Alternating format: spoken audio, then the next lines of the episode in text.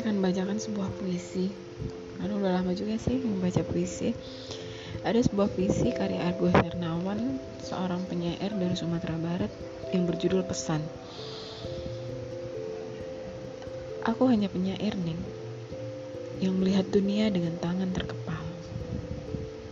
Bila kelak dari kemurunganku kini kau maknai hari-hariku sebagai puisi Barangkali saat itu aku sudah mati jadi jangan cengeng, Neng. Melangkah saja kau ke garis gelap atau terang. Di depan, hidup hanyalah mimpi buruk.